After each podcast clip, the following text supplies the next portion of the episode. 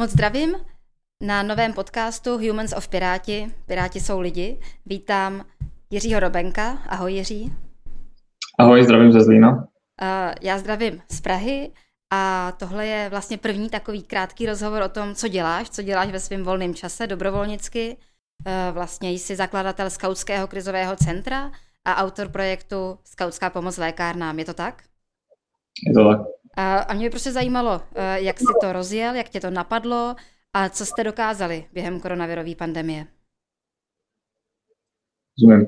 Eh, my jsme tu myšlenku založení skautského krizového centra tady ve Zlíně dostali někdy na mm, druhé polovině března, eh, protože od začátku března jsme nabízeli takhle jakoby pomoc, řekněme, neúplně oficiální cestou, jenom takhle známým lidem kolem sebe, Postupně se ta síť eh, zájemců tu pomoc začala rozšiřovat a po setkání se zástupci jiných skautských středisek ve Zlíně jsme se rozhodli, že založíme skautské krizové centrum, které bude tak nějak oficiálně nabízet pomoc eh, pro celé statutární město. No a řekni mi, když to je takhle velký, pomoc spousty lidí, kolika asi, koordinace, jakýho množství kontaktů, jak jsi to mohl zvládat při práci, jak to šlo dělat? My jsme začínali přibližně v deseti lidech a postupně se to rozšířilo, ta základna na nějakých 100 dobrovolníků, s tím, že jsme se snažili rozdělovat potom ty role, vytvořit určitý nějakou hierarchii, nějaký strom těch úkolů, které se potom takto řešily. Každý měl nějakou věc na starost. Ty úplně první dny, možná i týdny byly poměrně náročné, hektické v tom smyslu, že nikdo pořádně nevěděl, samozřejmě v celé republice, s čím se tady potýkáme, jakým způsobem k tomu přistupovat.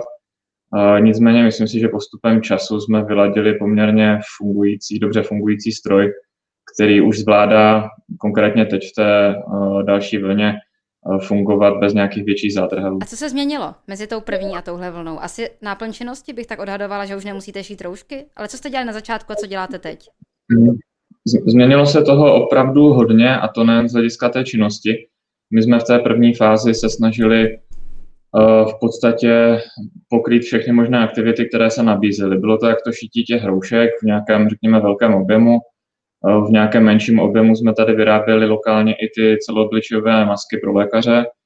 Uh, potom jsme se snažili kompletovat ochranné štíty, distribuovat je jak do obchodu s potravinami, tak do lékařských zařízení, do mateřských škol, do základních.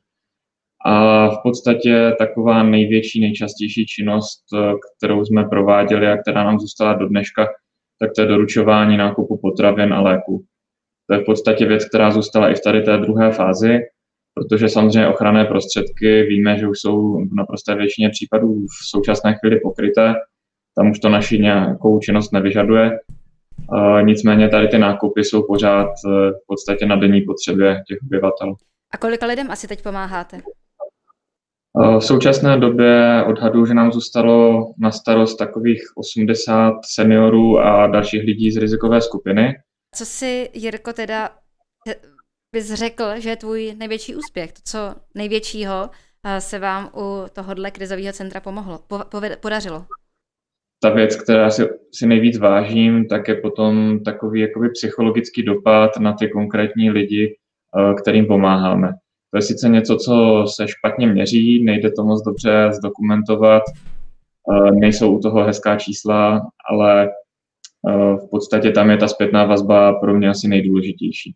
Není to ani o tom, že my jim konkrétně dorušíme nějaký nákup, že oni tam nemusí jít, ale spíš je to o tom efektu, že oni vědí, že je tady nějaká eh, podpora pro ně v té době, kdy si třeba připadají úplně sami. Mají velké obavy z toho, že tady není ta rodina, nemají třeba ty příbuzné k dispozici a to, že jim někdo je ochotný pomoct, tak vidím, že je to pro ně velký rozdíl z hlediska té psychiky v tu chvíli. Takže vlastně vytváříte takovou reálnou soudržnost společnosti i mezigenerační solidaritu. Dá se to tak říct? Dá se to tak určitě říct. A právě ta mezigenerační solidarita do toho vstupuje hodně, když se objeví třeba uh, nějaké kratší období. Párkrát to tady bylo, že v nějakém domově pro seniory místním Eh, ten personál šel do karantény, my jsme tam vlastně nastoupili jakoby náhrada, alespoň v rámci doručování teda těch nákupů nebo tady těch denních potřeb. A někdy to přerůstá i do nějakých, řekněme, nebo jim se říct přátelství, byť jsou to lidé, co jsou dvě, tři generace od sebe často, tak, ten, tak ta vazba tam vzniká velmi jednoduše. A je tam spousta témat, kdy ti lidé si povídají, aniž by třeba dříve to napadlo, že najdou nějaká společná témata. A často to překročí i tu hranici té pomoci, že se spojují ti dobrovolníci s těmi seniory i ve volném čase, volají si třeba, povídají si co nového a tak. Eh, tohle je nejenom zlínská dobrá zkušenost, ale to obecně lidi říkají a já to sama zažívám, že když se podaří dobře propojit pomoc a pomáhajícího, eh, tak to obohatí obě strany. Ale ty se ještě věnuješ jednomu projektu, Skautská pomoc lékárnám. Ten je co zač?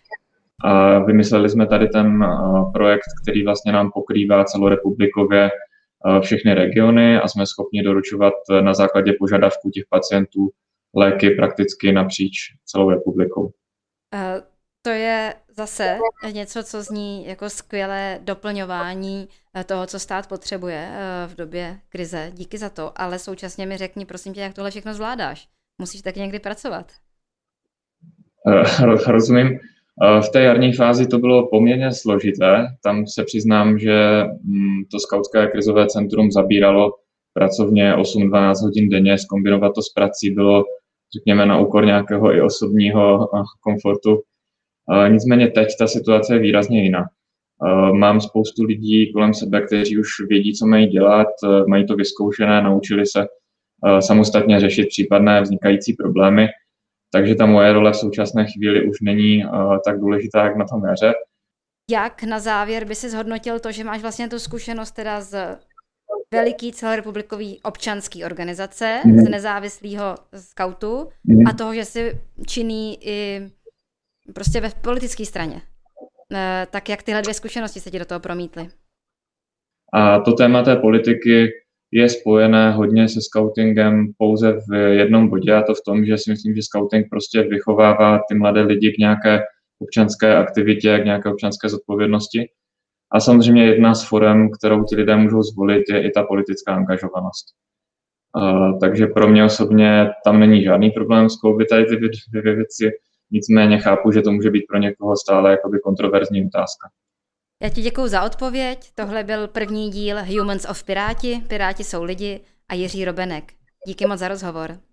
Díky za pozvání.